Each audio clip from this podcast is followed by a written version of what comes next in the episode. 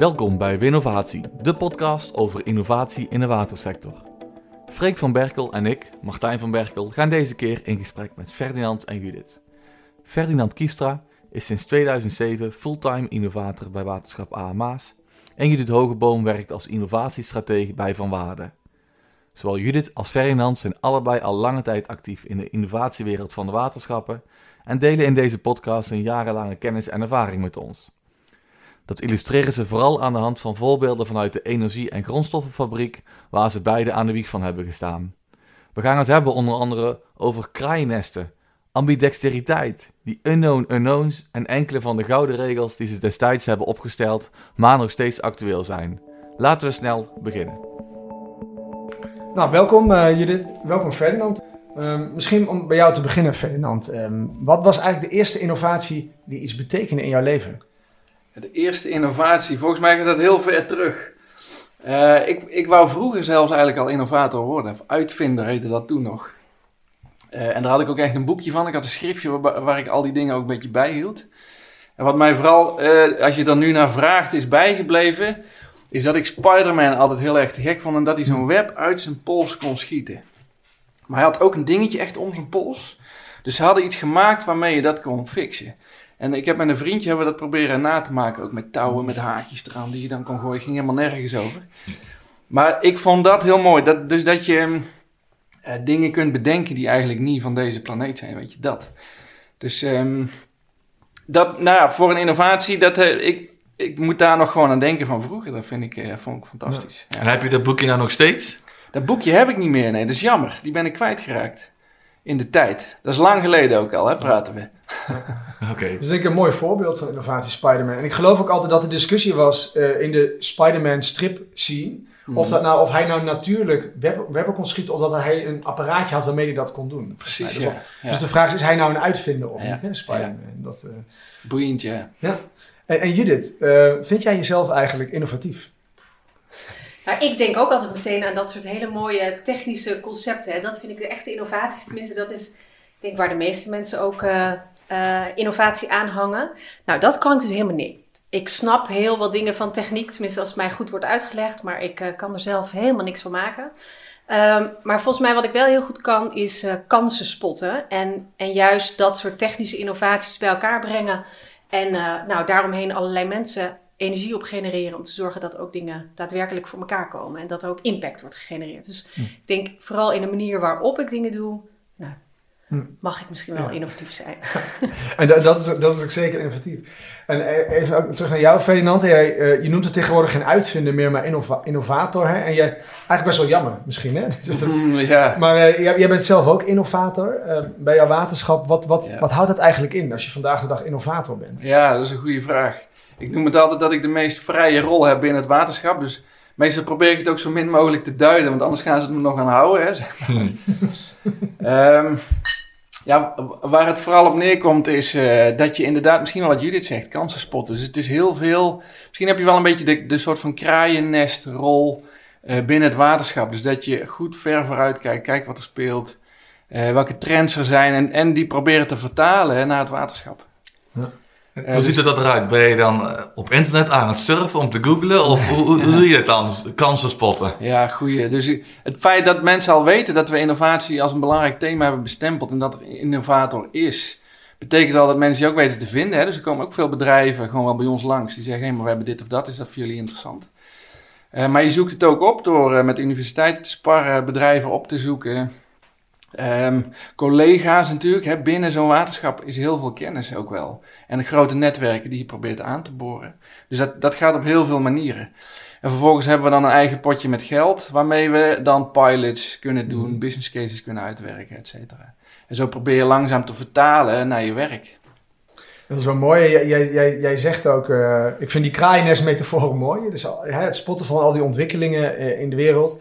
En je zegt ook, je hebt een vrije rol betekent dat, dat jij geen verantwoording aflegt? Of, of hoe moeten we dat zien, zo'n vrije rol? Ja, dus dit, um, hij is vrij in de zin dat je niet, in eerste instantie niet bent gehouden aan de taken van zo'n waterschap. Hè. Dat zit allemaal in redelijke pijlers wel ingedeeld in zo'n organisatie. En dit zou er helemaal buiten moeten zijn. Het kunnen ook hele gekke nieuwe dingen zijn. Dus daar moet je vrij in kunnen blijven eh, om dat te spotten. Maar natuurlijk leg je verantwoording af omdat het zich moet vertalen naar winst voor de organisatie. Eh, en de organisatiedoelen. Ehm, dus daar heb je het over, hè? periodiek met uh, afdelingshoofden, directie, bestuur. Probeer je die dingen met elkaar uh, vorm te geven uiteindelijk. Ja. En Judith, ben jij ook zo'n vrije vogel? Jazeker. ja, dat is. ik heb gelukkig een heel onafhankelijke positie en ik kan overal bij iedereen. ja, ga ik langs, bel ik mee, praat ik mee en ik op het moment dat ik wat zie, dan, uh, uh, dan blijf ik daar gewoon net zo lang, ik noem het elke keer een beetje het begin van het plakbanrolletje, blijf ik er gewoon net zo lang aan peuteren totdat er wat begint te ontstaan. Um, en uh, ja, bij Van Waarde heb ik die rol ook. En nemen wij gevraagd en ongevraagd initiatief. Nou, en dat zegt denk ik eigenlijk al genoeg. Ja. Dus ook als wij wel eens ergens niet door een opdrachtgever voor gevraagd worden. En maar we zien dat het noodzakelijk is nou ja, om richting de toekomst te bewegen, dan, dan stappen we er gewoon op af. En waar kennen jullie elkaar precies van? Wij zijn uh, collega's geweest nog bij Waterschap AMA's. Dus daar kennen we elkaar vooral van. En natuurlijk de, de start eigenlijk van de energiefabriek ooit in 2008, denk ik. Ja. Ja, daar willen we het ook vandaag met jullie, uh, jullie over hebben. Hè? Toen heette het nog de Energiefabriek. Inmiddels uh, heet het de Energie- en Grondstoffenfabriek. de EFGF.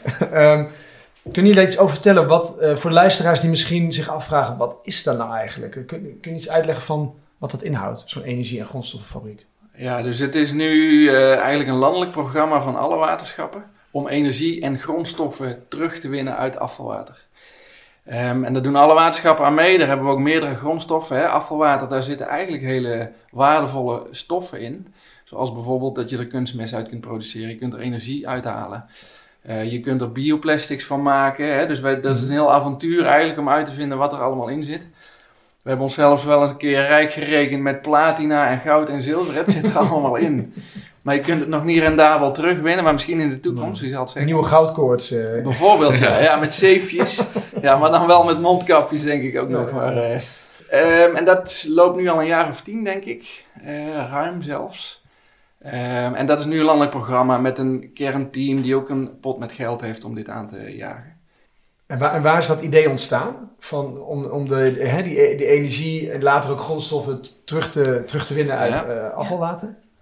Nou, er was in 2007 was er een, een club, dat heette Waterwegen.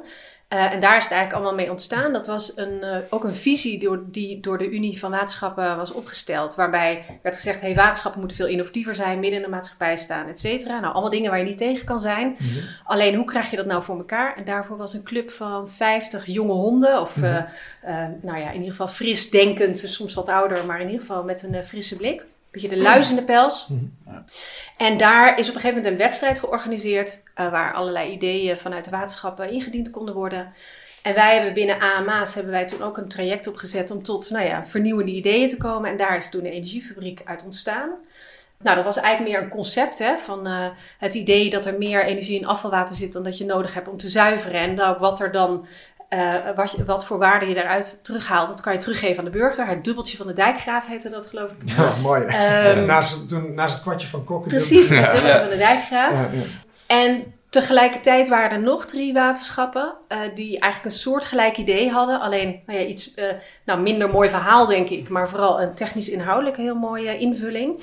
En toen is door de jury gezegd, nou, AMA's wint, maar jullie gaan samenwerken met die drie waterschappen om dit uh, nou ja, uit te rollen. Ja, en, jullie uh, wonnen toen een prijs, begrijp, Ja, of, nou ja, een prijs.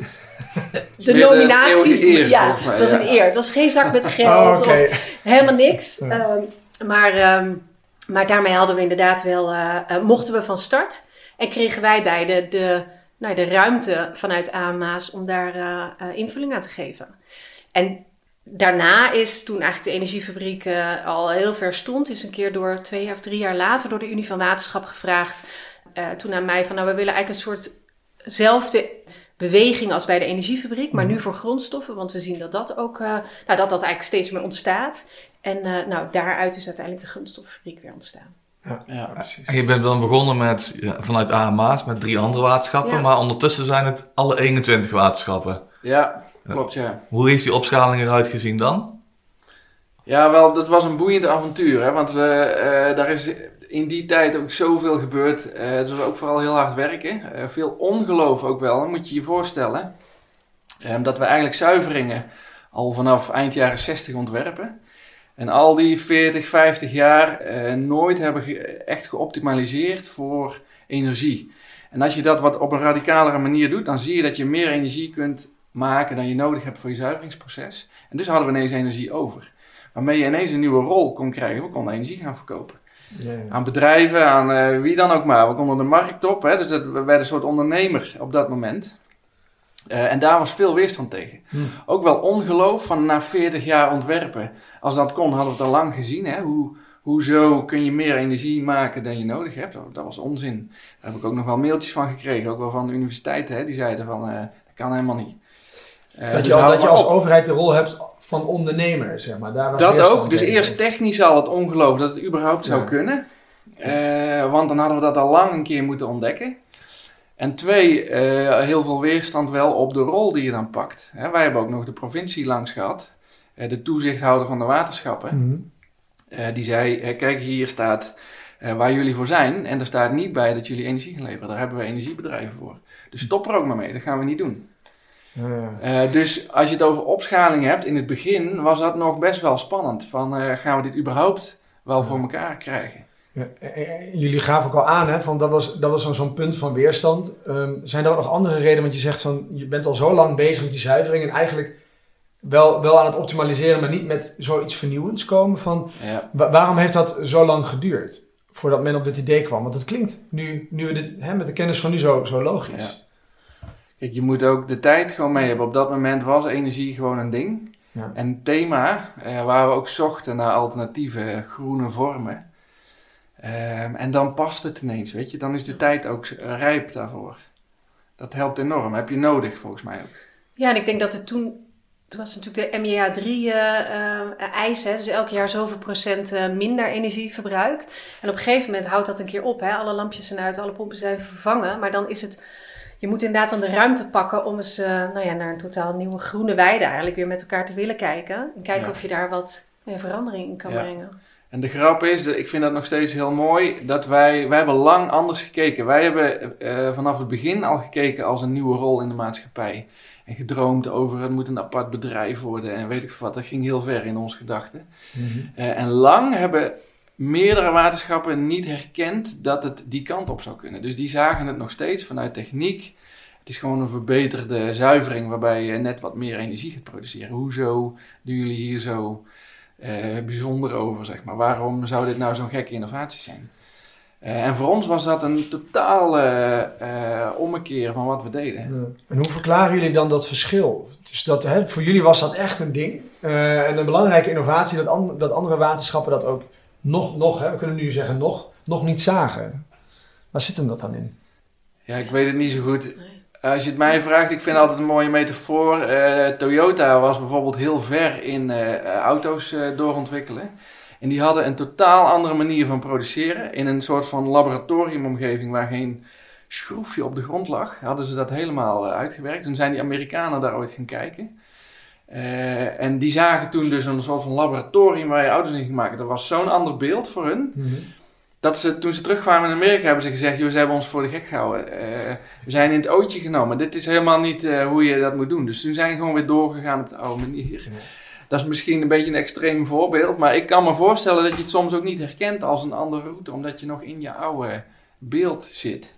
Nee, en zo al luisterende vraag ik me nog wel een beetje af van, ja, wat doet dan precies die energie- en grondstoffenfabriek? Eh, hebben jullie zeg maar innovaties op de plank liggen en zeggen van, ja, die kun je zo adopteren op je zuivering? Of wat doet nou precies die fabriek? Ja, ik denk, dat, dat, eh, dit is ook wel interessant, want daar hebben we altijd heel veel met elkaar over gesproken. Dus de energie- en grondstoffabriek is aan de ene kant een platform. En aan de andere kant is het zeg maar een technische, technische uitwerking. Hè? Dus soms lopen die twee ook misschien een beetje door elkaar.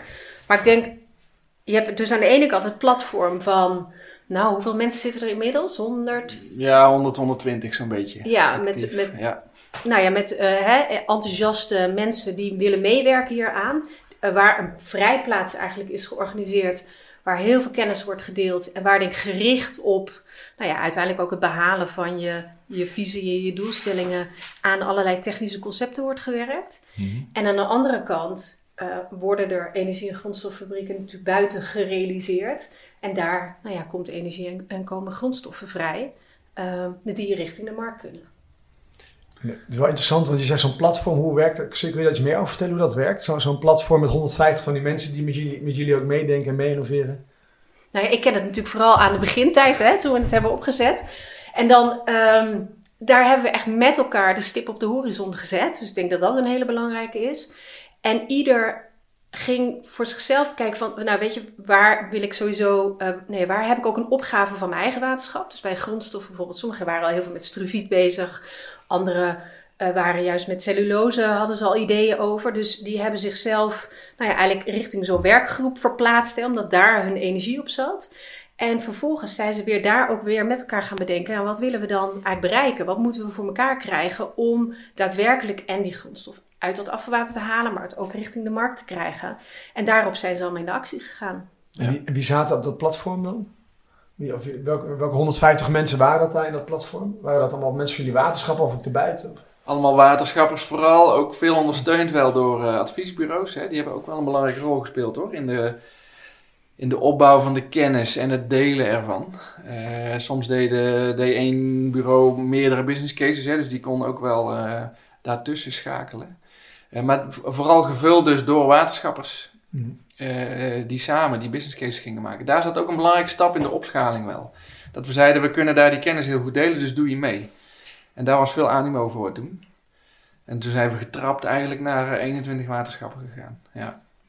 En ik kan me voorstellen dat het af en toe eh, als waterschappen later aansluit, dat ze een hele kennisachterstand hebben. En dan denk ze volop van ja, leuk, maar dan ben ik heel de tijd aan het uitleggen hoe het moet, terwijl ik juist veel verder wil. Is dat ook iets wat, wat je daar gezien hebt en hoe ga je daarmee om? Nee, ik, ik herken dat niet zo. Het, het zou kunnen. ehm, maar er was heel veel bereidwilligheid ook wel om elkaar te helpen. En toch is het heel veel maatwerk ook nog wa- wat je ziet. Hè? Dus eh, je kunt op heel veel manieren, zeker in het begin ging het vooral natuurlijk over energie, op heel veel manieren energie produceren. Je kunt het ook op, in meerdere vormen kwijt, of het nou stroom is of in gas of je gaat warmte leveren. Daar zat heel veel eh, diversiteit in. Eh, wat maakt dat je heel goed ook wel van elkaar kon leren. En ehm, ja, dat onderscheid tussen voorlopers of achterblijvers misschien niet, niet- helemaal niet zo groot was toen. Iedereen was aan het eh, pionieren en aan het uitzoeken en zo. Iedereen was leergeld aan het betalen van overrek, hoe werkt dit eigenlijk? Eh, met energiebelasting en overrek is dit btw-plichtig, zijn we nu ondernemer en zo. Dat speelde ook Mhm. allemaal mee. Ehm, nee, dus dat, dat was niet zo, dat onderscheid, denk ik. Oké. En, en is inmiddels, al twee keer komt het eigenlijk te sprake. Dat is want, jullie zijn dan ook deels ondernemer. eh, en, jullie gaven ook al aan, in het begin was daar wel veel weerstand ook op. Van ook, wat, is je, wat, is je taak en rol ook als overheid zijnde? Is dat inmiddels ook veranderd? Dat, dat de, hoe, men, hoe men ook naar overheidsorganisaties kijkt. En kunnen jullie ook meer ondernemer zijn als, als overheid dan? Ja, ik vind van wel. Er, er is in die tien jaar veel gebeurd. Dus we hebben ook zelfs als sector hè, de, de, de, de wettekst waarin staat waar die waterschappen voor staan. Daarvan heeft die minister dan gezegd, we interpreteren die breder. Hè, dus dit soort activiteiten mag je daar gewoon onderscharen. Dus dat helpt enorm. Ehm, en als je ziet wat er allemaal gebeurd is nu met echt tientallen fabrieken die we hebben op grondstof, op energie, moet je zeggen dat we dat nu met z'n allen doen en als onderdeel van onze eh, taak, of hoe je het dan ook maar noemt, hè, of de rol die we hebben in de maatschappij, gewoon daar onderdeel van zien. Ja.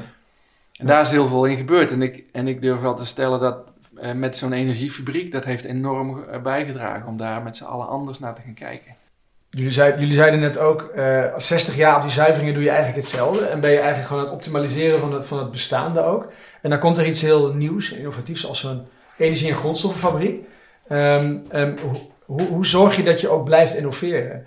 En dat je niet de komende 60 jaar eh, dit aan het optimaliseren bent en misschien weer nieuwe kansen of, mogelijkheden mist. Hoe, hoe doe je zoiets? Nou, ik denk hè, binnen de energie- en grondstoffabriek heb je ook een groep van verkenners. En die blijven eigenlijk die ontwikkelingen spotten. Hè? Dus dat is een beetje dat kraaiennest. Eh, maar dan echt wel gericht nou ja, op eigenlijk weer een, eh, een, eh, toch wel een doorontwikkeling van de energie- en grondstoffabriek zelf. Nou, daar is de waterfabriek is al een heel mooi voorbeeld van. En nu met de blauwe revolutie wordt er alweer hè, weer nog meer gekeken van nou, hoe kan je nu eh, gezien alle ontwikkelingen ook weer inspelen dat je wellicht ook wel klimaatneutraal wordt of iets dergelijks. Dus dat die, En wat is de blauwe revolutie? Dat klinkt heel interessant. Ja, Ja. Ja. Nou, maar het is een, een mooie vraag die je stelt, Freek. Want eh, eh, dat is wel de uitdaging waar we voor staan. Kijk, je ontdekt als sector bijna iets nieuws. Hè? Mhm. Eh, en daarbinnen ga je inderdaad nu steeds verder verbeteren en het blijft binnen energie en grondstoffen. Maar wat heel fijn is, is dat je een soort van vehikel hebt gecreëerd die los van de sector ook mag nadenken. Uh, waar je honderd mensen hebt die heel enthousiast uh, overal doorheen krioelen en nieuwe inzichten ophalen. Die groep en die energie die wil je eigenlijk weer benutten om, om nog weer nieuwe dingen te bedenken. Maar nu zou je bijna kunnen zeggen, ja maar die zitten nu binnen het jasje van de energie- en grondstoffabriek. Moet je die niet nog losser eigenlijk voor de sector in gaan zetten? Want anders blijf je misschien wel op dat spoor. Dat is ook wel de uitdaging waar we nu voor staan, denk ik. En de Blauwe Revolutie is eigenlijk de soort van werktitel die we nu hebben binnen het groepje verkenners.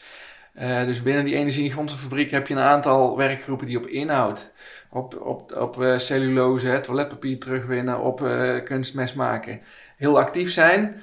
en je hebt een groepje verkenners die zeiden, ja, maar wij willen ook nog veel breder kijken. En die groep, die is daar nu, zit daar nu middenin met een aantal verkenningen. Ook bijvoorbeeld met rijksbouwmeesters gesproken en zo, om te kijken hoe Nederland zich ontwikkelt. Dus dat zit veel meer nog op hoe kunnen wij bijdragen aan allerlei maatschappelijke uitdagingen?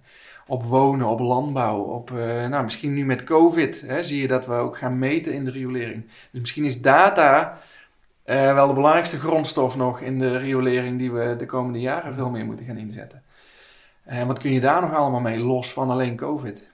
Daar kun je nog duizend en één dingen, denk ik, in ontwikkelen krijg je ook een hele andere rol van uh, als waterschap. Dus dat soort routes, die zijn we aan het verkennen. En die passen dan nog wel een beetje bij uh, energie en grondstof. Hè? Dus we kunnen dat intern dan misschien nog wel verkopen. Als jij zegt, aan wie leg je dan verantwoording af? Soms moet je die nog wel een verhaal vertellen. Ja, ja, ja. Um, en ondertussen proberen we dat langzaam steeds verder op te rekken. Ja. En als al die verkenners terugkomen, allemaal hele mooie dingen gespot hebben, hoe ga je dan uiteindelijk kiezen? Of moet je ook kiezen? Uh, ja, dat is een goede vraag. Weet je, dat soort dingen komen meestal. Uh, ik ben niet zo van het heel gestructureerd uh, afpellen en beargumenteren en zo. Die dingen herken je. En dan denk je, wauw, weet je, dit is het. Of te gek. Of hier springen er drie gelijk op een stoel of zo, weet je. Dat, eigenlijk zoek je daarnaar. Je herkent het. En, en dan is het niet meer van... en daarna ga je het goed praten met, hey, want het klopt en het klopt hierop en daarop en daarop. Maar nooit vooraf. Uh, dat gaat vanzelf ontstaan. Maar daarvoor moet je wel de boer op en zoeken en inspiratie ophalen en elkaar blijven inspireren. En wanneer ben je dan voor het laatst op jouw stoel gesprongen? wanneer ik het laatst... Dat, poeh, een mooie vraag. Geen idee. Ik denk eerder nog thuis. ja, ja. een keer, maar daar hebben we het hier nu niet over. Maar, uh, ja. Um, ik, uh, ik, wat ik nu heel mooi vind is bijvoorbeeld waterstof nog weer. Dat is, er zit dan heel erg misschien wel op energie en grondstoffen, maar ik vind die boeiend omdat heel veel partijen zich daarmee bemoeien. Voor een aantal zaken waar we nu tegenaan lopen zou waterstof wel eens een hele mooie uh, alternatieve route kunnen zijn. En misschien moeten we met z'n allen die kant wel op. Weet je? Dat vind ik dan nog wel uh, een hele boeiende route. Maar dat is heel erg inhoudelijk. Ja. Mm. En jij, jij zegt, want dat is misschien ook wel het gouden ei of het geheim van de smid. Jij zegt, ja, je herkent dat gewoon. Dus je, je ziet het en je voelt het. En, en voor, voor de luisteraars misschien ook wel, niet iedereen ziet of voelt dat. Kun je iets, kunnen jullie daar ook iets zeggen? Uh, Judith, jij bent daar ook mee bezig, uh, weet ik van. Wat is dat, wat is dat vingerspitsengevoel of de intuïtie? Um. Oeh, dat is echt, dat is, ja, ja dat, dat, precies. Het geheim van de smid.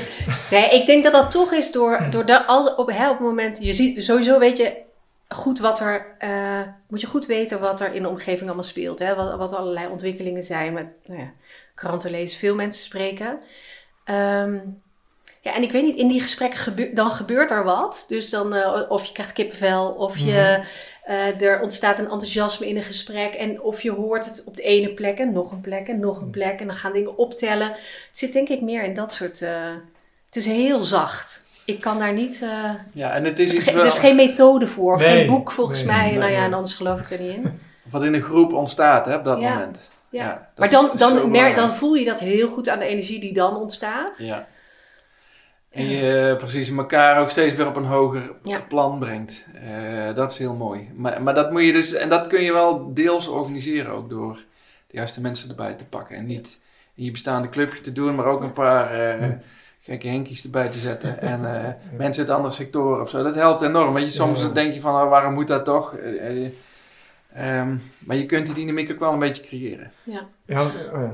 Nee, ik dacht nog, en vaak werkt het dan, hè, als je dan dat met elkaar doet, dan ontstaat er ook een verhaal en ook een soort logica. Hè?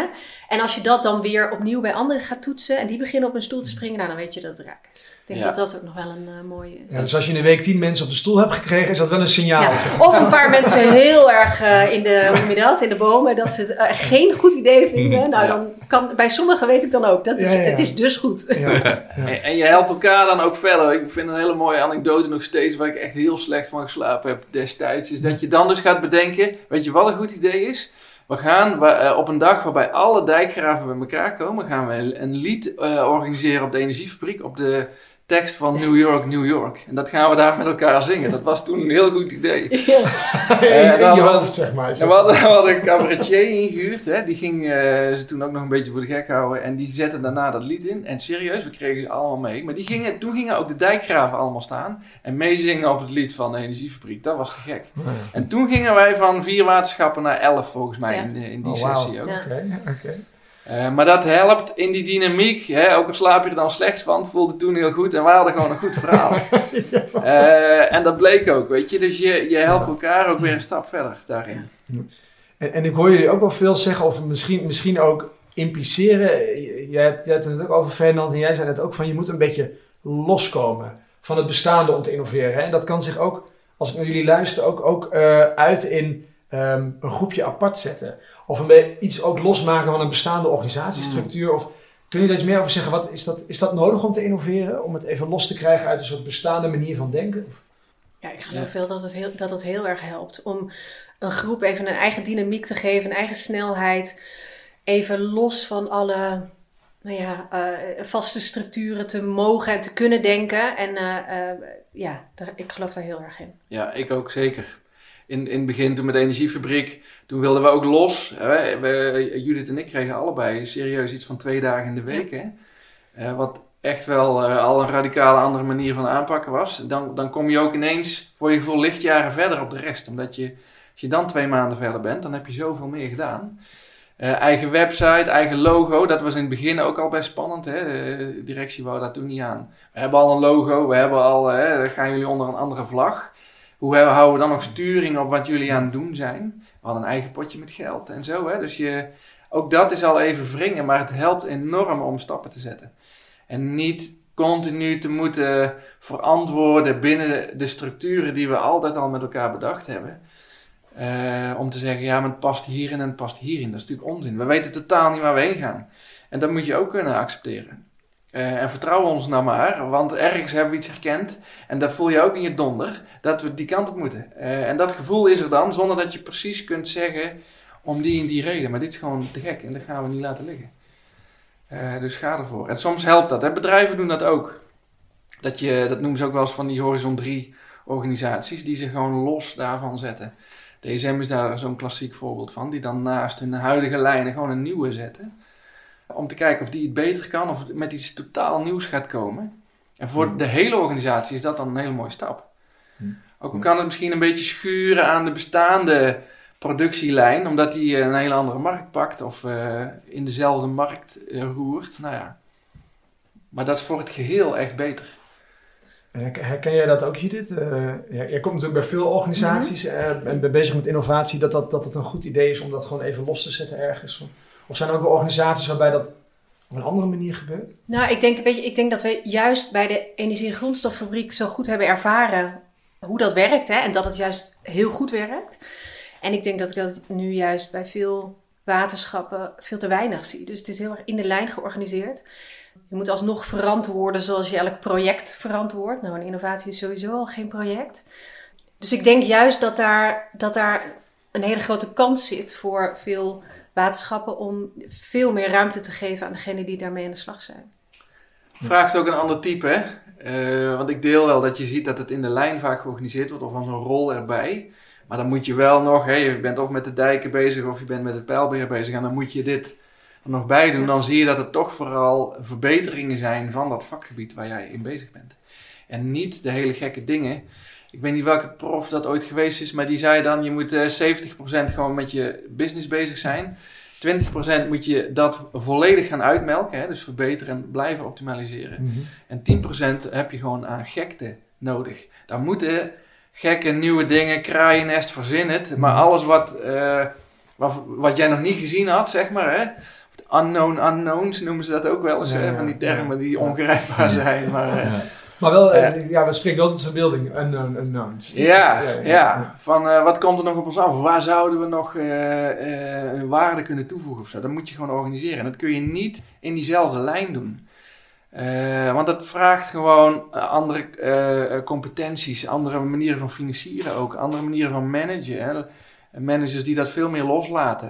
En wat Judith zegt, is geen project met, waar je met Lean Six Sigma moet zeggen over drie maanden 5% beter. Daar gaat het helemaal niet over. Eh, dit kan goed een jaar duren en misschien hebben we daarna niks. Hè? Dat moet je ook kunnen accepteren. Dus het vraagt een totaal andere aanpak. En in, in die zin, maar dat is misschien een beetje een stokpaardje van me, eh, eh, moet je in mijn beleving dat ook apart organiseren. Dus optimaliseren en verbeteren is iets heel anders. Dat hoort in de business. Iets heel anders dan innoveren. En dat moet je er soms ook gewoon echt los van zien. En Ja. los van koppelen. Ja, ja, precies. Dus je zegt van die, die 70-20-10 is een mooie. Hè? Dus Ja, volgens mij moet je ook, eh, en dat noemen ze ook wel volgens mij, ehm, even zo'n term ook weer ingooien, ambidexiteit. ambidexter. Ja. Toch, hè? Dat je een deel van de organisatie gewoon inzet op het verbeteren van het bestaan, het optimaliseren, maar ook echt een deel eh, bezig moet zijn met vernieuwingen, eigenlijk allebei tegelijk ja. Ja. moet kunnen. Ambidexter is zowel linkshandig als rechtshandig kunnen zijn. Hè? Ja, ja, ja. Linkshandig dus in je business en, en eh, met je rechterhand of andersom, maakt me niet uit, eh, met innoveren bezig. Maar dat vraagt dus ook een competentie van het management om beide te blijven doen. Hè, ik, ik weet nog dat wij eh, met Struviet aan de gang gingen eh, op een zuivering en eh, we een hele mooie pilot hadden staan. Daarmee wilden we leren aan de innovatiekant om een heel nieuw product te maken en een heel nieuw verdienmodel. Eh, maar die is vervolgens uitgezet door de business, omdat die werd afgerekend op energieverbruik en manuren. Eh, en dit kost te veel tijd, te veel energie. Dus dat is ook een legitieme manier om te zeggen, we kappen ermee. Maar ergens gaat het dan op organisatieniveau niet goed. Hè? Dus je moet dat blijven, beide moeten daarin kunnen bestaan. En als ik dit zo beluister, zit er ook best wel veel hard werk en doorzettingsvermogen ook in. Hè? En ik vind het altijd wel interessant met innovatie. Er is ook wel een soort mythe van dat Eureka-moment. Dat innoveren gaat over...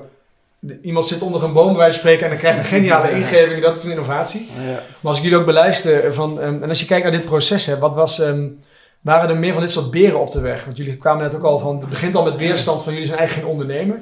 Je, je nodigt dan mensen uit op je zuivering en die zien het niet.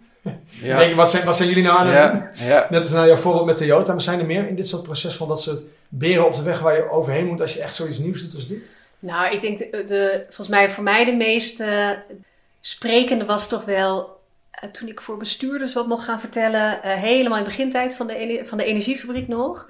Dat er vlak voor mij een bestuurder was die zei: We moeten niet te ver de oever op kruipen. Letterlijke tekst. Ja. En ik daarna wilde heel graag vertellen: en We moeten lef hebben en we moeten juist. nou, ik denk Ja. dat hè, dus, dus voorbij je taken willen en kunnen kijken om juist een, hè, eh, een antwoord te geven op een maatschappelijke opgave. Ik denk dat die is nog steeds ook aan de, ja, die is vandaag nog steeds heel relevant. Ja. En dat is een beer die hoor ik nog steeds, eh, nou, wekelijks misschien wel. Ja, ik Ja. denk het wel. En we hebben al eens gezegd van we moeten eigenlijk een praatclubje oprichten voor innovators, hè, want die lopen tegen al die ijsberen aan. Ja. Wat, wat, is nu, wat is nu voor jullie zelf de grootste frustratie dan in zo'n proces? Waar kun je nou het meest aan irriteren? Ja, potverdorie. De, de, weet je, er is niks erger dan als je een Eureka-moment hebt en je denkt: wauw, we geven een dikke vette high five en we gaan ervoor. om daarna te horen: eh, eh, Ja. kan niet, mag niet, wil niet. En ook nog dat, dat er mensen zijn die het ook het gewoon echt niet zien en herkennen en ook niet willen. Dat, dat vind ik heel frustrerend. En, en dat, dat blijft, eh, daar zal ik nooit aan wennen of zo. Dat gaat niet gebeuren.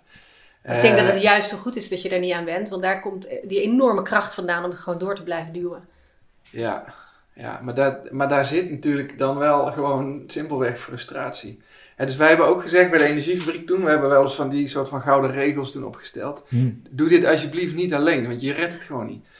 Eh, je trekt het ook niet. Als je tegen, daar continu tegen in moet blijven werken op dat moment, dan heb je gewoon een, eh, je noemt het zo'n praatclubje. Ja, maar je hebt iemand nodig met wie je even kan delen, non-knetter. Een soort stichting correlatie voor innovatoren, Ja, ja, dat je ja. je verhaal kwijt kan, zeg maar. Ja. Dat, Ja, ja, dat herken ik heel erg. Oh, Ja. lekker. Weet je, dan moet je wel even... eh, Nou, dat merken wij wel met die, eh, ja, nu zijn dat de innovatiesnacks, maar wij houden, we houden wel eens sessies voor de eenzame innovatoren in de sector. ja, ja. En die vinden het dan heel fijn dat ze er even over, over Oh. kunnen hebben. Ja, ja. Nee, maar je, iedereen loopt eigenlijk tegen diezelfde muren aan als je met Ja. dat soort dingen bezig bent. Ja. Dat kan natuurlijk ook heel frustrerend zijn. Tuurlijk. Dat- ja. En Ja, het dat- is heel logisch, hè. Dus ik, ik begrijp de andere kant ook prima. Dat je denkt, ja, maar het past nu gewoon niet. Maar natuurlijk past het niet. Maar daar moeten we het nou net over hebben. Maar ga niet nu alvast je hak in het zand zetten. Nou, en ik denk ook, als je, je zei net wel mooi die 10% hè, aan innovatoren. Als je nu kijkt, denk bij de waterschappen, hoeveel zijn er gemiddeld per waterschap? Twee? Dus dat is ook, Ja. denk ik. Eén Dus dat is twee, ook ja. nog best wel schraal. Ja, en Hè, wil je echt impact, impact innovatiecoördinator. kunnen? Ja. Ja, of, ook- inderdaad. Ja. Dat kan ook nog. Ja. Ehm, dus wil je echt impact hebben en, en goed steun aan elkaar hebben, dan is het, een, eh, ja. dan is het, is het weinig. Is het dan ook een eenzaam bestaan? In die zin, als je dan zo een van die twee innovatoren bent bij een waterschap? Ja, dat lijkt mij wel. En ik denk Ja. dus ook weer daarom dat dat soort platforms zijn waar je elkaar ontmoet en waar je wel met elkaar gericht eh, eh, aan zo'n toekomst aan het bouwen bent, dat het ook heel fijn is om af en toe dan juist bij elkaar te komen en lekker die energie te voelen. Even los van de, nou, van de organisatie. Ja. Ik denk dat het juist goed is. Ja, deel ik heel erg. Ik ben blij, want wij hebben eh, dat intern ook altijd met z'n tweeën gedaan. Eh, en nu hebben we dan een clubje innovatoren. Nog drie mensen die dat in deeltijd mogen doen ook. Eh, dus dan heb je een clubje van vijf en dat zet gewoon net wat meer zoden aan de dijk. eh, met een eigen budget. Dan is het niet meer die ene gekkie die wat roept of zo. En laat hem maar lekker met zijn ballonnetjes. Maar dan is het gewoon een serieus onderdeel Ja, ja. van je organisatie en, en de visie die je hebt op we moeten die 10% ook. Ja. Er, zijn, zijn er zijn ook van die theorieën die zeggen van three is a crowd. Dus als je er twee hebt, dan zijn ze allebei gek. Maar als er een derde bij komt, Ja. dan ben je niet meer gek. Ja, ja, ja. Dan moeten we ze toch eens een keertje opzoeken. Ja, ja. Dus elke waterschap moet minimaal drie ja, innovatoren eigenlijk hebben. wel. eigenlijk. Ja, Eigenlijk ja. wel ja. ja, dat is een goeie. Maar als ik advocaat van de duivel speel, hè, dus, dus eh, ik ben dan een bestuurder en die heeft een zak geld. En het is belastinggeld. En die heeft, dat kun je natuurlijk ook maar één keer uitgeven. Ja. De- dus, ehm, en, en, en er zijn dan wat van, jij noemt, dus jullie eigen taal, hè, die gekkies. En die komen met al die ideeën en dingen. Ja, en je moet toch, eh, je kunt het geld maar één keer uitgeven. En waar zet je dan op in? Dat is natuurlijk een hele lastige keuze. Zeker als het om veel geld gaat. Dus doe, hoe, hoe weet je nou ook als waterschap, hoe voel je van dat idee moet je wel op inzetten en dat niet. Want we hebben, het- we hebben ook legio voorbeelden uit de geschiedenis. Ja. Maar ze dachten, dit is echt het volgende grote ding. En dat werd het totaal niet. Ja. Dus, dus hoe ga je daarmee om? Maar pas op, eh, pas op voor de gekkies, wou ik zeggen. Nee. Eh, dat zijn niet alleen maar mensen die een leuk ideetje roepen. Hè? Nee, Eh, nee, dus- ik bedoel het ook niet. Ik bedoel het gekscherend. Nee, maar het is een belangrijke nuance, omdat het eh, inderdaad ook gaat om de vertaling naar de business. Ik noemde dat in het begin al even. Eh, het, het begint met dat eerste idee en vaak zijn er daar duizenden van, maar het gaat juist ook om de vertaling. eh, naar wat kan het dan brengen voor onze sector. En dan kom je met een verhaal waarin je een business case hebt gemaakt, waarin je de meerwaarde voor de maatschappij en voor ons werk herkent. En dan krijg je een verhaal wat je ook prima met bestuurders kunt bespreken. Eh, en dan, dus die selectie, die is misschien wel veel belangrijker nog, Hmm. vanuit al die ideeën, door slim eh, keuzes te maken. Wat zegt Google dan ook alweer? eh, Veel often but quickly. Hè? Ja, ja. Eh, Dus eh, je mag er prima duizend hebben, maar je moet ook heel snel naar die twee waarvan je denkt, maar hier zit de muziek. En dat moet je met de organisatie doen. En daar heb je misschien aan de voorkant ook al wat bestuurders nodig. Van hier, hier zitten voor mij eh, mooie nieuwe kansen in. En ik denk misschien voor de organisatie bij wie dat wat minder van onderaf gaat, is, geldt het natuurlijk ook voor als je met elkaar een nieuwe visie ontwikkelt. Hè? Dus je bent weer aan het kijken van nou, wat komt er als op ons af aan ontwikkelingen. Dan kan je op basis daarvan ook een strategische innovatieagenda maken. Dus dat je gewoon goed kijkt, waar, kan ik, waar red ik het door gewoon te blijven doen zoals ik het altijd al deed? En waar haal ik het gewoon niet? En is er innovatie noodzakelijk? En op het moment dat je die onderwerpen weet en je weet ook waar je als organisatie goed in bent, dan kan je ook daar gewoon een strategische innovatieagenda op vastzetten. En daar weer juist een proces op eh, inrichten dat er innovatie op gaat ontstaan. Of toevallig komen ze dan misschien van onder en boven, komt dat samen. Nou, dan heb je denk ik helemaal iets krachtigs. Ja. Want er zit daar en een logica achter, vanuit, eh, nou, vanuit meer visiestrategie. En aan de andere kant vanuit gewoon de, de, de, de kansen die vanuit het veld ontstaan. En ik denk dat dat nog, ook nog niet heel vaak gebeurt. Dat er echt een strategische innovatieagenda wordt opgezet, waardoor ook die innovaties bij elkaar gaan optellen. Hè? Dat je focus hebt, dat je daarop kan leren, dat je misschien kan onderscheiden als waterschap op een bepaald onderwerp, waar juist weer andere waterschappen ook weer hun voordeel mee kunnen doen. Ja. Zo kun je het ook nog een beetje verdelen als sector. Hè? Misschien Ja. wat je bij de energiegrondstoffenfabriek ook ziet. Het zijn drie, vier waterschappen die doen bioplastics. Er zijn er drie, vier die doen eh, cellulose. Zo leer je als sector natuurlijk op meerdere plekken. En zo draag je allemaal een beetje de, de pijn van het leergeld en het avontuur ook. En, en zeggen jullie daarmee ook dat in de ideale wereld, hè, dus eh, dat zie je bijvoorbeeld ziekenhuizen ook, die gaan zich ook steeds meer speci- specialiseren. Dat je dat, als je naar de watersector kijkt op sectorniveau eigenlijk, dat het ook handig is dat, dat, die, dat, dat die innovaties ook een beetje verdeeld raken. Dus dat de ene waterschap echt ehm, op het ene inzet, bijvoorbeeld op de energie- en grondstoffenfabriek, en een andere waterschap op iets anders. En dat je dan van elkaar leert in plaats van dat alle 21 met alles bezig zijn. Ja, lijkt Ja. me wel. Ja, lijkt me Niet heel te handig. doen anders. De opgaven zijn echt zo groot. Ja. Dan krijg je nooit voor elkaar als je dat per waterschap moet doen. Ja, En het is ook niet logisch. Hè? Dus sommigen zitten ook in, eh, nou, hebben, hebben veel met bodemdaling te maken. Nou, dat vraagt heel wat innovatie. Anderen hebben dijken. Sommige waterschappen hebben daar eigenlijk hebben daar niks op. Weet je? wel. Dus zo kan je natuurlijk ook de, nou ja, de lusten en de lasten wel weer met elkaar delen. ja. Dat zou ik En- zeker doen. En daar zit ook nog wel onder, je moet dan denken aan een eh, bestuurder die ooit riep, eh, ik wil scoren op innovatie. Maar ik zei, misschien moet je innovatie gewoon weglaten en wil je gewoon scoren. Want, eh, maar dat, maar, en dat is helemaal niet erg, want dat zit er bij iedereen wel in. hè. Alle waterschappen, hè. Dus als je dat verdeelt, je wil ook wel gewoon je successen in je eigen regio, met je eigen partners, wil je eh, mooie successen boeken. En dus dat moet je elkaar ook gunnen. En dat is ook een boeiend proces met 21. Eh, en er misschien prima gezonde wedloop ook wel. Om, om wel elkaar ook te blijven triggeren op vernieuwing. En, eh, en elkaar ook de successen te gunnen dan. Ja. Dat is heel mooi. Dat je dat Ja. als sector dan doet. En bij de EFGF had je het ook over gouden regels die jullie hadden opgesteld. Maar wat voor regels staat daar nog meer tussen? Nou, dat klinkt wel interessant. Ja, Ja, ook. we hebben een heel mooi lijstje. Oké. We hebben die verinnerlijkt. Hè? Wij hoeven dat niet meer te checken. Toch Judith? Ja, nee. Die zitten op eh, creëren veenbrand, maar eh blussen, hem op, eh, hè, bl- blussen als hij eh, blussen op tijd. Er zit er eentje bij. Dat klinkt bijna zo'n als, tegeltje. Ja, nee, zo hadden we ik denk heel wat van dit soort mooie tegeltjes. Ehm, Nou, en, en die nog steeds heel erg waar is, maar die hebben we net al even besproken. Doe het met z'n tweeën en zeker niet alleen. Dat hadden wij nooit gered Nee. toen. Doe het met z'n drieën eigenlijk. Met z'n drieën, ja. precies. Dat hebben we dan nu vandaag ja. weer geleerd. Minimaal drie. Ja, ja, anders. Nou, en die vrijheid. Hè? Dus ik denk dat we de belangrijkste ook wel eh, eh, zo'n beetje te pakken hebben. Dat je los bent van eh bestaande organisatie. Want dat heeft ons enorm geholpen. ja, en fulltime is focus was er ook eentje. Hè? Dus Ja. inderdaad gewoon echt Hmm. gewoon tijd. Dus niet, eh, weet je, een, een kwart FTE of een ehm 0,1 of iets dergelijks. Want dat, dat zet gewoon echt geen zoden aan de dijk. Nee, Dan heb je dan- twee dan- gesprekken en dan... eh, Ja, dan doe je het erbij. Innovatie is dan niet iets wat je Nee.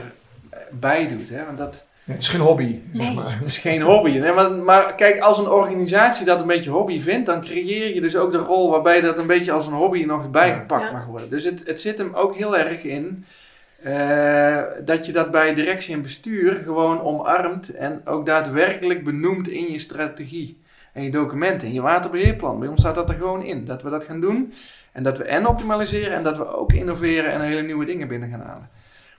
Dus daar moet je achter staan. Er is ook een directielid die daar eh, dus voor gaat, die dat in portefeuille heeft en die daar ook vragen over stelt. Hoe staat het ermee? Welke kant gaan we op? Dus het moet van, eh, ja, in de oude hark dan maar gedacht, van boven naar beneden, Ja. helemaal eh, doorweekt zijn daarvan. Ja. En niet vink, laat Pietje nog even één dag in de week proberen dat innovatie nog erbij te pakken. En wat ik ook wel mooi vind, als je inderdaad ook een, stip op de horizon zet. Dus net zoals Elon Musk, hè, we, gaan naar de Ma- we gaan naar Mars. Ja, Hebben we ook ooit bij AMA's volgens mij geroepen van vanaf 2015 geen waterschapsbelasting meer. ja precies. Ja, ja. Oké, dat was wel heel ambitieus. eh. Die helpen dan. Ja. Dat is niet gelukt. Niet? Nee. Nee, maar dat helpt denk ik wel, Ja, of ja. niet? Ja, dat je een, een, een eh, prikkelend doel neerlegt, helpt om niet 10% te verbeteren, maar het 10 keer anders te moeten doen. Hè? Dat is ook zo'n klassieker.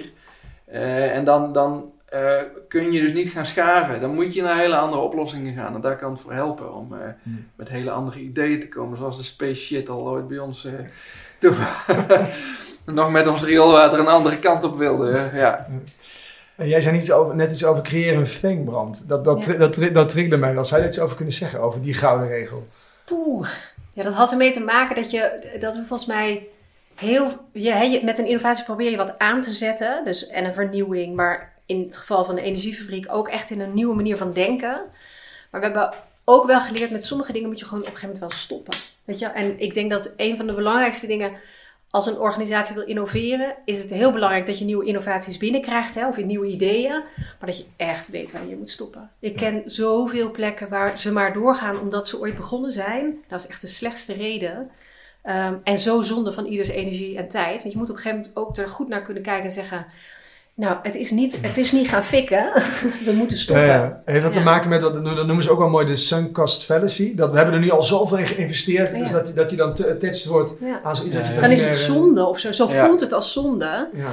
En dat is natuurlijk ook heel lastig als je er met huid en haar in zit, hè, om dan te gaan stoppen. Maar daar, daarvoor heb je nou, juist ook nodig, denk ik, dat er wel een, een bepaald proces in de organisatie is ingericht. Hè, met af en toe een paar van die, eh, van die schuifjes of deurtjes, dat je door kan naar de volgende fase. En dat er ook wat mensen op afstand zitten die gewoon de, de goede kritische vraag kunnen stellen. Hmm. Want degene die erin zitten, die gaan natuurlijk nooit uit zichzelf stoppen. Nee, ja, weet je, het is je kindje geworden. Ja, ja, Ja. ja. Ehm, maar dat je, als je van tevoren met elkaar weet, waarom wilden we dit ook alweer? En waar moet het uiteindelijk aan bijdragen? En je ziet op alles dat het eigenlijk eh, nou ja, rode kruisen staan. Ja, dan is het gewoon beter om te stoppen. En dat je iets oppakt waar wel weer alle tijd en energie eh, naartoe kan gaan. Want je kan gewoon niet alles tegelijk. Nee, nee.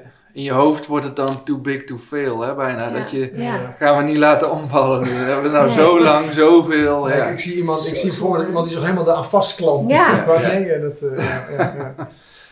Ja, daar is veel literatuur ook over. is wel leuk, want je, dat, je, dat je niet kunt stoppen als organisatie met dit soort dingen. Ik deel dat heel erg. Ja. Ja. En dat haalt heel veel tijd en ruimte weg eigenlijk in je organisatie. Die je anders weer ergens anders in kunt steken. Hm. Dat zou je eigenlijk, eh, daar zou je veel scherper op moeten zijn. Ja. Dat is de andere kant van innoveren eigenlijk. Dat je kill your darlings doet. Nou, en, en ik denk ook naar de rest van de organisatie en naar de buitenwereld word je gewoon veel geloofwaardiger. Weet je wel, je hebt namelijk een duidelijke koers. En, op, en dus ook dat je af en toe stopt als het niet werkt. En dat maakt, want de rest van de organisatie ziet ook dat het niet gaat lukken. Ja. En het is natuurlijk heel gek om iets door te laten gaan waarvan we allemaal weten, maar het wordt hem toch niet. Nee. nee, precies. Dat is ook goed om te laten, laten zien. Van, Ja. Als je het serieus neemt, innovaties, Ja. en je weet dat het niet werkt, dan stop je er ook gewoon mee. En dan kun je daar toch ook open over zijn dan die zin. Ja, en, en Ja. juist en dan heel erg van gaan leren. Hè? Dus Ja. goed met elkaar kijken waarom ging het mis. Ja, Zodat je het voor de volgende keer weer beter kan gaan doen. Ja. Maar dat is wel een interessant punt. Dat, ehm, dat zie je bijvoorbeeld eh, in organisaties waar heel veel op projectmatige manieren gewerkt worden. Dat eh, je, ja, je begint een project en, en een project stopt en hop, je gaat naar het volgende project. En jij noemde net dat element van leren. Ja. Is, daar, is daar bij innovatie wel ook, hè, juist als het misgaat, zou je ook kunnen denken van, nou ja, dat was nou, oeh, dus we zijn- er klaar mee, dus we gaan wel op iets nieuws focussen. Wordt daar Ja. veel geleerd van? Ah, hè, van, van dat soort fouten of, of dingen die niet zijn, zijn gegaan zoals je had gehoopt. Nou, nee, ik denk nog heel weinig eigenlijk wel. De vraag is ook of het heel erg nodig is, of dat je toch weer door moet. Als je echt een hele pool hebt aan eh 20 ideeën, dan is het ook logisch dat daar 80% gewoon niet van doorgaat. Maar je moet wel leren op het proces, hoe hebben we dat nou met elkaar gedaan en zo. Eh, en wordt dat dan afgestraft of niet? En eh, moet je dan toch ja, ander gedrag gaan vertonen? Dan, dan zou ik het eng gaan vinden. Daar moet je zeker van gaan leren, want die openheid moet er blijven. Eh, dat het ook kan. En, en dat je dat open gesprek blijft voeren. Maar over het algemeen zijn we niet zo goed in het evalueren van dingen die er mis zijn gegaan. Want dat is ook gewoon helemaal niet leuk eigenlijk. Nee, maar ja, wel mega waardevol. Ja, zeker ja.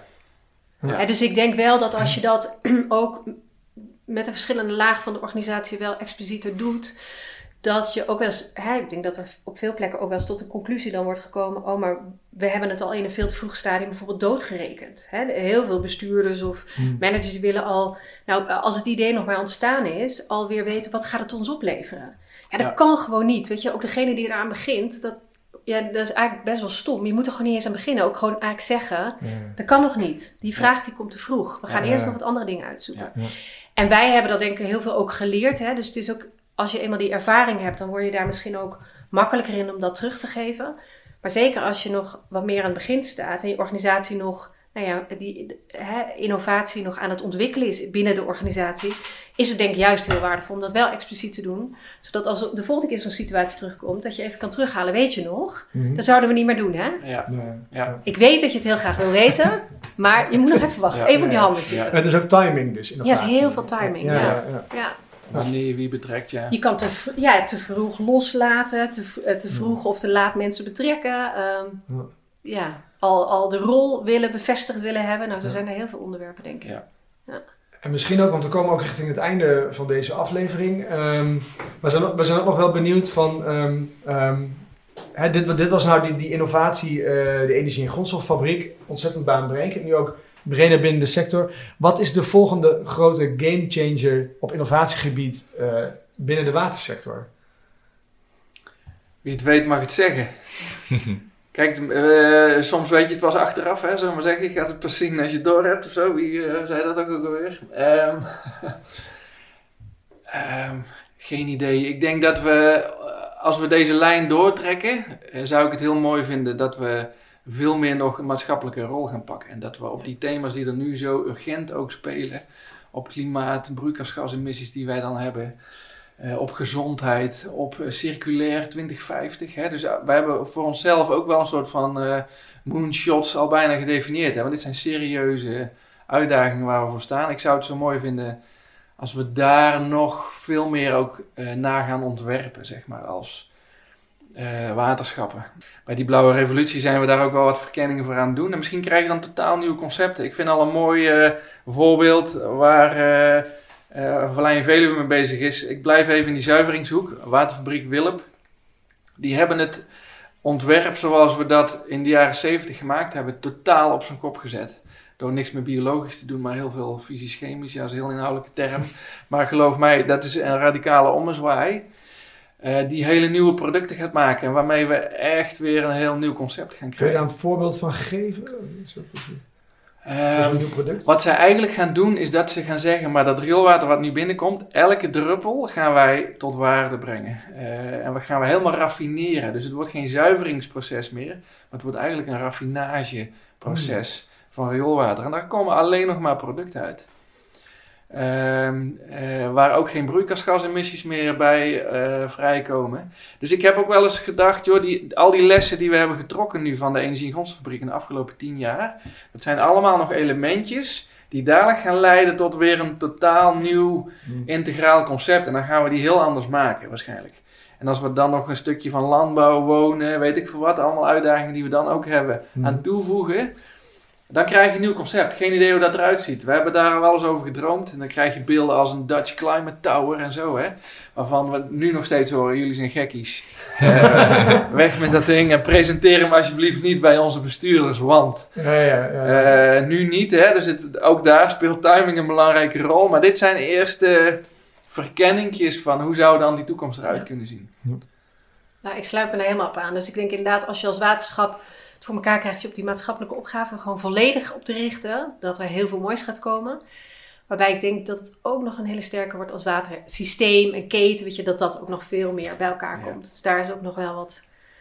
Ja, ik weet niet of het innovatie is, maar in ieder geval uh, in de manier van samenwerken voor nodig. Dat het één systeem wordt, als het ware. Of, ja, of... veel meer. Ik denk om die, om die vraagstukken te kunnen beantwoorden is dat ook noodzakelijk. Dus het is niet alleen innovatie dan naar buiten toe, maar ik denk ook nog van de eigen organisatie en daar helemaal opnieuw op uitvinden. Ik denk dat daar vooral nog een grote, grote stap te maken is. En, en belangrijk is, en je, en je, merkt dat we dat hier nu ook doen, we zijn heel erg geneigd om dan te willen weten hoe ziet dat er dan ja. uit. Terwijl het natuurlijk veel belangrijker is, dat hebben we nu ook geleerd van de energie- en grondstoffabriek, dat het, een, dat het een proces is wat je met elkaar inricht. En als je maar wel naar een stip, een horizon, een moonshot blijft kijken, het kraaiennest blijft volgen, zeg maar, mm. dan kom je ongetwijfeld weer op nieuwe plekken. Het gaat veel meer om het proces en hoe we dat met elkaar doen. Ja. En dan komen daar fantastisch mooie dingen uit. En geen idee welke, maar ze zijn allemaal uh, top, ongetwijfeld. Ah, mooi. En, en, misschien als we over vijf of tien jaar deze podcast aflevering terugluisteren, is er een Dutch Climate Tower. Hè? Wie Zeker, ik ben ervan overtuigd. Hij Nodig komt jullie gelijk ja. uit. Ja, ja. En, en, en dankjewel voor jullie tijd vandaag. Dankjewel. Dankjewel, ja. jullie ook. En hiermee zijn we weer aan het einde gekomen van deze aflevering. Bedankt voor het luisteren. We zouden het leuk vinden om van jullie als luisteraars tips en tops te ontvangen. En ook suggesties voor sprekers zijn meer dan welkom. Doe het dan per mail via winnovatie.hetwaterschapshuis.nl. Nogmaals bedankt en tot de volgende keer.